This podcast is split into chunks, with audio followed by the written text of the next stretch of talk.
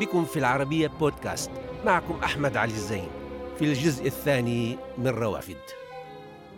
عبد الرحمن الكواكبي المولود سنة 1855 حين نقرأ أقواله اليوم نظن أنه يعيش بيننا أو أنه نجا مثلا من دمار مدينته حلب في العشر الثاني من القرن الواحد والعشرين وهاجر إلى القاهرة ليستكمل مشروعه الفكري ويزاول إصدار جريدته الشهباء. هو بكلام قليل وموجز كان يشير دائما إلى موطن الخراب وأسبابه إلى العلة التي تفسد الحاكم وتظلم الناس. قال ذلك ربما وهو في طريقه من حلب إلى اسطنبول أو من حلب إلى دمشق أو إلى نواحي الهند. كان يتأمل في طبقات المجتمع وأحوال الناس وهمهم كعالم اجتماع. وقد قال عنه مرة المفكر محمد أركون أن الكواكب سباق في ابتكار معرفة هذا العلم.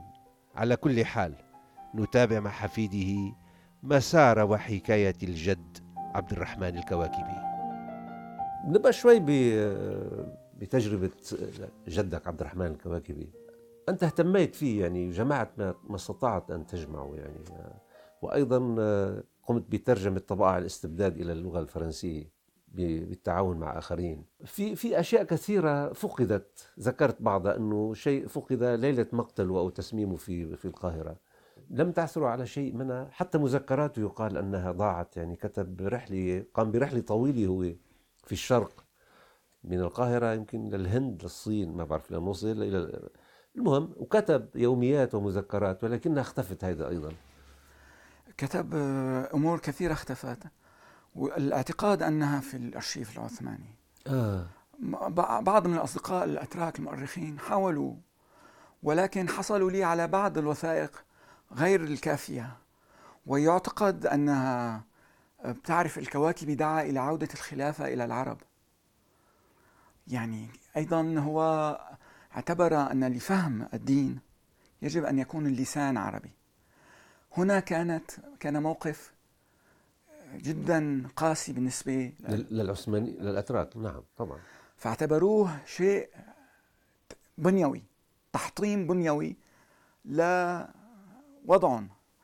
فيعتقد أن هذا القسم من الأرشيف هو حتى اليوم يخشى منه. يخشى. فظيعين. آه، الكواكبي عندما دعا إلى نقل الخلافة إلى مكة كان يريدها بابوية. يعني كان يريدها وقال بذلك صراحة كان يريد فصل الدين عن الدولة على عكس ما يقول البعض بأن الكواكبي لم يدعو أبدا إلى الفصل. كان يقول الخليفة يجب أن يكون مصدرا ومرجعا روحيا أخلاقيا كالبابوية كالبابوية. سماها مسميها. ما في ما في اجتهادات يعني. كالبابوية. ومقره مكة ولسانه عربي. في هناك بعض الوثائق وبنشوفها بعد شوي. آه، مثلا تقرير مخابراتي موقع من قبل المخبر الصادق. يعني أحد المخبرين للسلطنة مراقب الكواكب في القاهرة وكتب في مخبر الصادق صفة أم؟ هو اسمه الصادق. صفة. لأنه في مخبر كاذب. كاذب. وهم كلهم كاذبين طبعا. ولكن طريفة هي. وأجتني أيضا من الأرشيف العثماني مختومة من الأرشيف أيضا. شو تقول؟ آه أنه يقابل آه محمد كرد علي يقابل عبد القادر الدباغ آه يكتب يجمع الناس. يكذب لأنه يقول أنه وزع من كتاب أم القرى عشرين ألف نسخة. أتتصور ب 1901 20 ألف نسخة. هلأ دار نشر فلاماريون ما بتوصل ل 20 ألف نسخة. فهون أيضا يثبت أنه كاذب. أنه صادق. أنه صادق. على فكرة أشرت لشغلة مهمة في في لها دلالات وأبعاد. يعني فكرة الخلافة أن تكون بلسان عربي. هي الآن إذا بتفكر بما بمحيطنا بمحيطنا الملتهب أو بمحيطنا اللي البعض يسعى لإعادة إحياء فكرة الإمبراطوريات القديمة التركية والفارسية قد يكون صائبا في هذا المعنى. لأنه الآن هن لابسين لبوس العباءات الدينية. يعني كان عنده أيضا بعد نظر أظن في, في, في رؤية المستقبل ربما. كان عنده بعد نظر إضافة إلى أنه كان مطلعا على كتب عصر النهضة. يعني كان مطلعا على روسو على مونتسكيو مع أنه ما بيحكي لغة. كان يعرف تركي وفارسي كان يحكي هو. تركي وفارسي. واطلع على أدبيات طبعاً. عصر يعني. النهضة من نامق ترجمات نامق كمال. النهضوي العثماني الذي ترجم كل كتب آه، عصر النهضة. عصر النهضة. وترجمها بأماني؟ يعني الحد الأدنى. مفروض الحد الأدنى. والكواكبي يشعر بألم وهذا ظهر في رسائله لأولاده أنه لم يتكلم الفرنسية والإنجليزية. أوه. فكان يكتب لهم رسائل أرجوكم تعلموا الفرنسية فتصبح الإنجليزية سهلة لكم فيما بعد. لأن اللغة لسان كان ينظر كثيرا إلى تجارب مثلا الدول التي اجتمعت آه، وطنيا رغم خلافاتها الطائفية. عندما يتوجه إلى المسلمين والمسيحيين بنداءات فيها بعض الصرخة أي يا أهل الضاد من غير المسلمين. يا أهل الضاد من غير المسلمين. أنتم الأولون ابتعدوا عن ضغائن ال- الأعاجم يعني التدخلات الخارجية. الاستعمارية. الاستعمارية التي تريد أن تشق الصف بينكم. فليحيا الوطن ولتحيا الأمة. وأشار إلى أن الله أعطانا العقل. هو أعطانا العقل لنحكمه إضافة إلى موضوع حتى يقنع بموضوع فصل الدين عن الدولة قال أن إدارة الشؤون اليومية تلوث الأيادي تلوث النفوس تلوث الضمائر. فهل تريدون أن يتلوث الدين؟ طبعا آه، الكواكبي أستاذ سلام الكواكبي الحلبي اسرة تمتد أكثر من ألف عام منطقة ألف يعني ونصف عام تقريبا يعني وانطاقيين أنتم أظن انطاكيا فيها كمان في ال- الأسرة مم. أتت من الحجاز إلى أردبيل شمال مم. فارس ومن أردبيل انتقلت محمد أبو يحيى الكواكبي مؤسس العائلة انتقل إلى حلب في منتصف الق- القرن الخامس عشر 15 ميلادي. ميلادي وأسس جامع الكواكبي والمدرسة الكواكبية ووضع السلطان قنصل غوري آه، عفوا نور الدين زنكي الجامع تخليدا لمؤسس العائلة الكواكبية. والمدرسة الكواكبية استمرت في التعليم ودرس فيها عبد الرحمن الكواكبي أباه أحمد الكواكبي أرسله إلى أنطاكيا إلى خالته لأن والدته توفت صغيرا. أرسله إلى خالته ليتعلم علوم غير دينية يعني علوم الوضعية لأنه. كان يعتقد أنه لا يكفي الإنسان العلوم الدينية. ولذلك ال- ال- الكواكبي عندما ميز في دور العلوم الإنسانية قال السلطان لا يخشى من العلوم الدينية إن كانت تعتمد على المعاد وإن كانت تعتمد على العبادات. المعاد يعني ال- الذي تكرار. التكرار نعم. والعبادات فقط إنما يخشى العلوم الدينية إن كانت تحفز العقل وتحفز النفس وتبعث بالإنسان إلى البحث عن الحقيقة. وهنا انتقل إلى الفلسفة. قليل جدا من ال- المتزمتين يقبلون بدور الفلسفة في في الفكر الديني. الكواكب كان يعتقد أنها أساسية. كان يعتقد أيضا أنه كما الراحل محمد أركون اعتبر بأن العلوم الاجتماعية الحديثة كالأنثروبولوجيا والإثنولوجيا أساسية لتطوير فهمنا للنص المقدس الكواكب كتب ذلك من مئة عام. نعم. صحيح. فيعني أركون وقت أتى إلى حلب ليحكي. قال في انت أنت دعوته إلى دعوته حلب إلى المركز نعم. وتعرضت لضغط شديد من الأجهزة نعم الأمنية. نعم. قال أمام الحلبيين في المكتبة الوطنية قال لهم لماذا أحكي لكم عن آه، العلوم الإنسانية في النص الديني؟ هناك من سبقني. جدكم وجدي كتب عن ذلك من مئة عام. فظيع يكون الكواكبي اعترف بنواقص كثيرة لديه مثلا في مشهد وصفه لابنته كان صديقا لعائلة إيطالية في حلب. حلب بالمناسبة قبل قناة السويس. كانت هي محور التجارة بين الشرق والغرب. طريق الحرير طريق طريق مركز تجاري مهم أساسية كانت. ثاني أو ثالث دو مدينة في الإمبراطورية العثمانية. نعم. فكان هناك عائلات استوطنت إيطالية وأهم إيطالية لأنه العلاقة مع البندقية كانت تجارية مهمة. نعم. منها أتى خان البنادقة الذي موجود في حلب وطرابلس وكذا. نعم هذا عملوا علاقة مهمة مع مع فينيسيا. مع فينيسيا وجنيفا. وج- وجنوى نعم. فكان يعاشر عائلات إيطالية. لأول مرة سمع موسيقى كلاسيكية لديهم. هو كان يحب الموسيقى والطرب المشهورة في حلب ولكنه لم يكن يسمع أبدا موسيقى كلاسيكية. استمع إلى الفصول الأربعة لفيفالدي عند. العائلة الإيطالية. فبكى. الله. تأثر وبكى وحكى عن علاقة هذه الموسيقى وتأثيرها بالروح ال- ال- الإنسانية.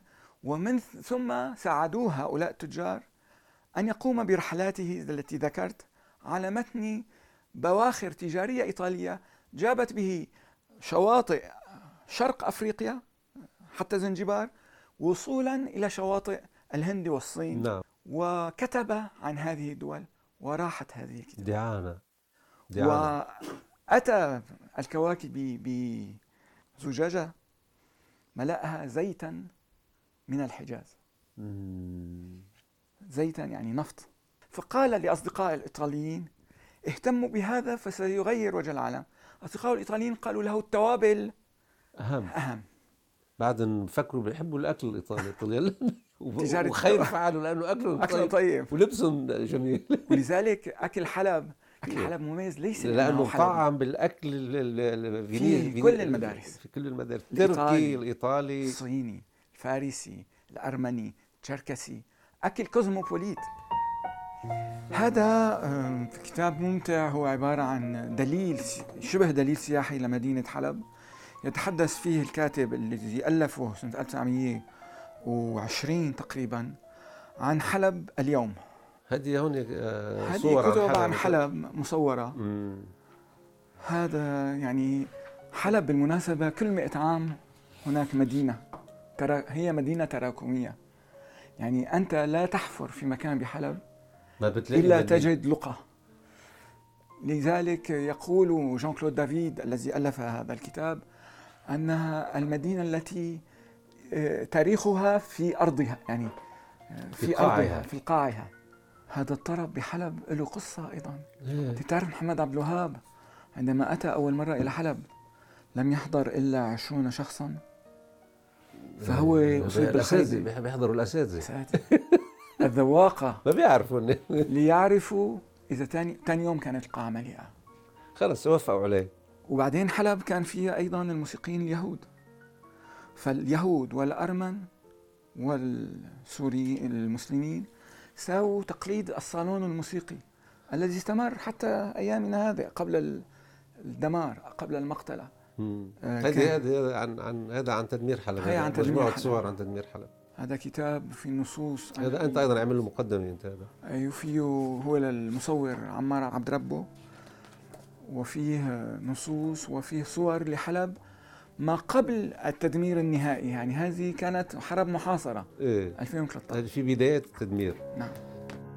يعني لي الكثير أنا أنا ارتبطت بحلب أكثر من كوني حلبي ارتبطت أيضا بالحجر وبالبشر بالجميل وبالقبيح بالصاخب وبالهادئ. آه، كنت أجول في حلب أيام الجمعة لأنه كانت هادئة. مم. كانت الأسواق مغلقة. أكتشف التفاصيل لأنه أنت لما تروح على الأسواق ما بتشوفها. ما بتشوفها. من صخب الناس. صخب الناس. أكتشف التفاصيل. آه، أكتشف الجمالية. أكتشف ال ال مثلا أحد التفاصيل في خان الوزير. أحد الخانات. هناك صالة للصلاة. التجار حتى ما يبتعدوا كثير عن مخازنهم. كانوا يصعدون إلى الصالة. الصالة لها نافذة عليها الهلال ونافذة عليها الصليب. يعني كانت صالة يقولون عنها الفرنسيون إيكومينيك يعني متعددة الأديان. أهل الأديان نعم.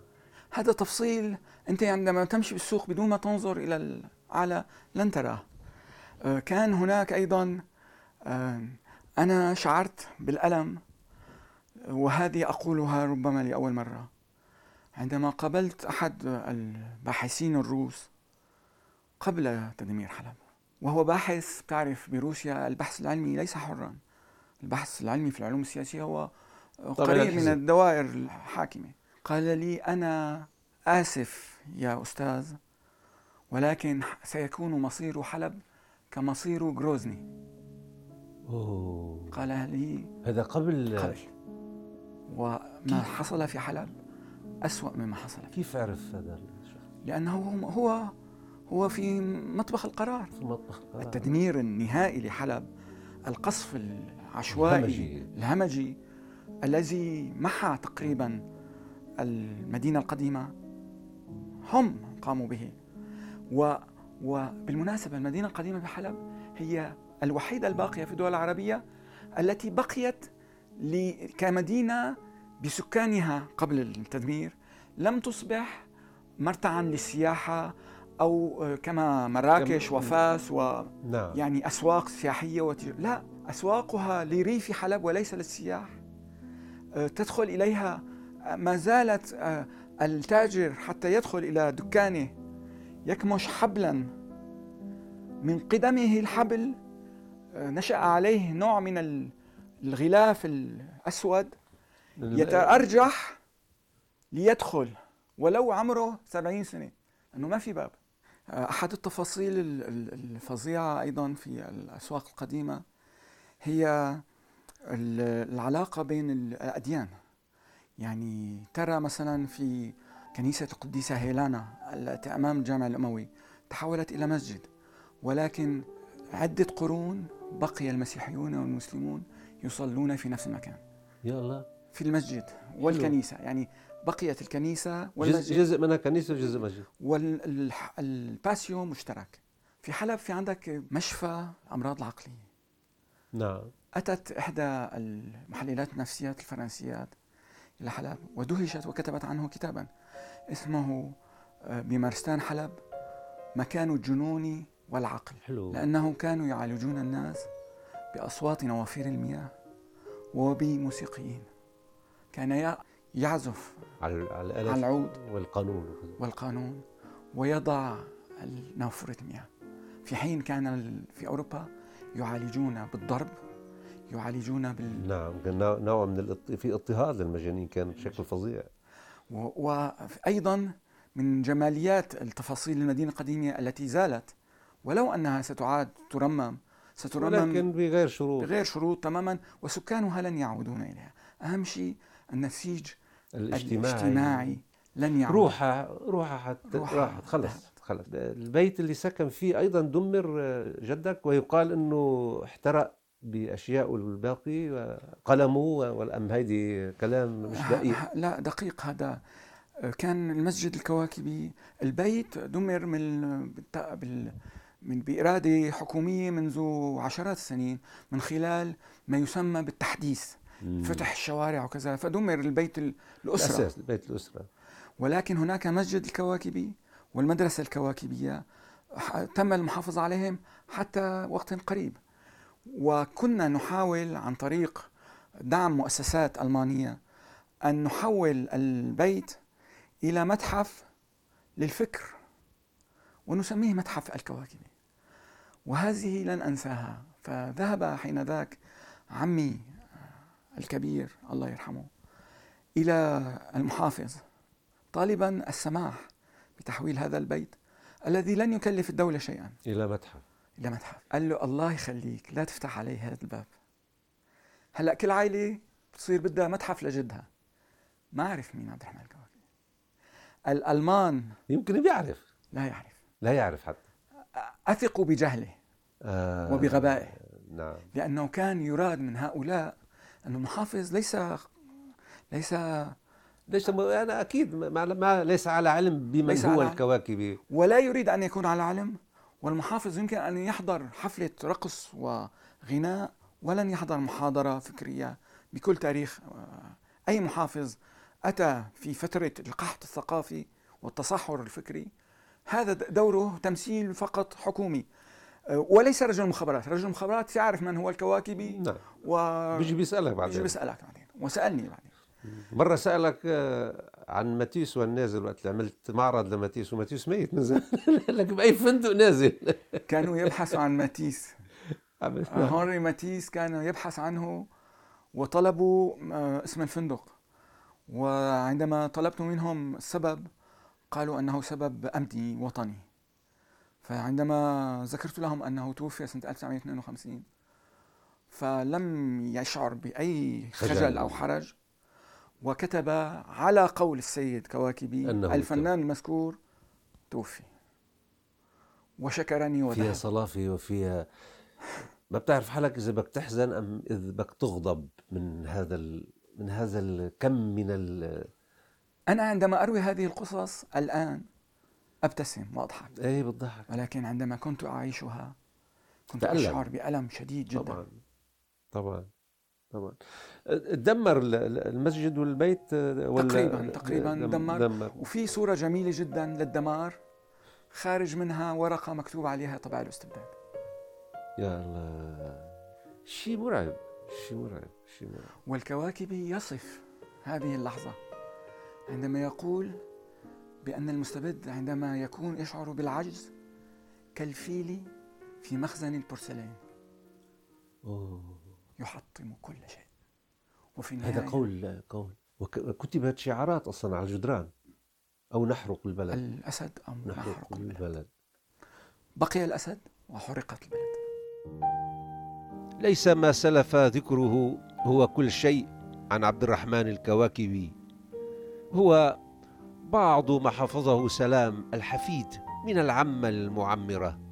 أما البعض الآخر هو ما بحث عنه وجمعه وما بقي من كتابات الجد من سيرة الرجل التنويري الذي على ما يبدو شكلت أقواله وأفكاره وآراؤه حالة من الخوف أو من الهلع لدى المستبد القديم لأنه استطاع كشف هشاشة الظالم المحصن دائما بتأويلات فقيه ينصفه في ظلمه.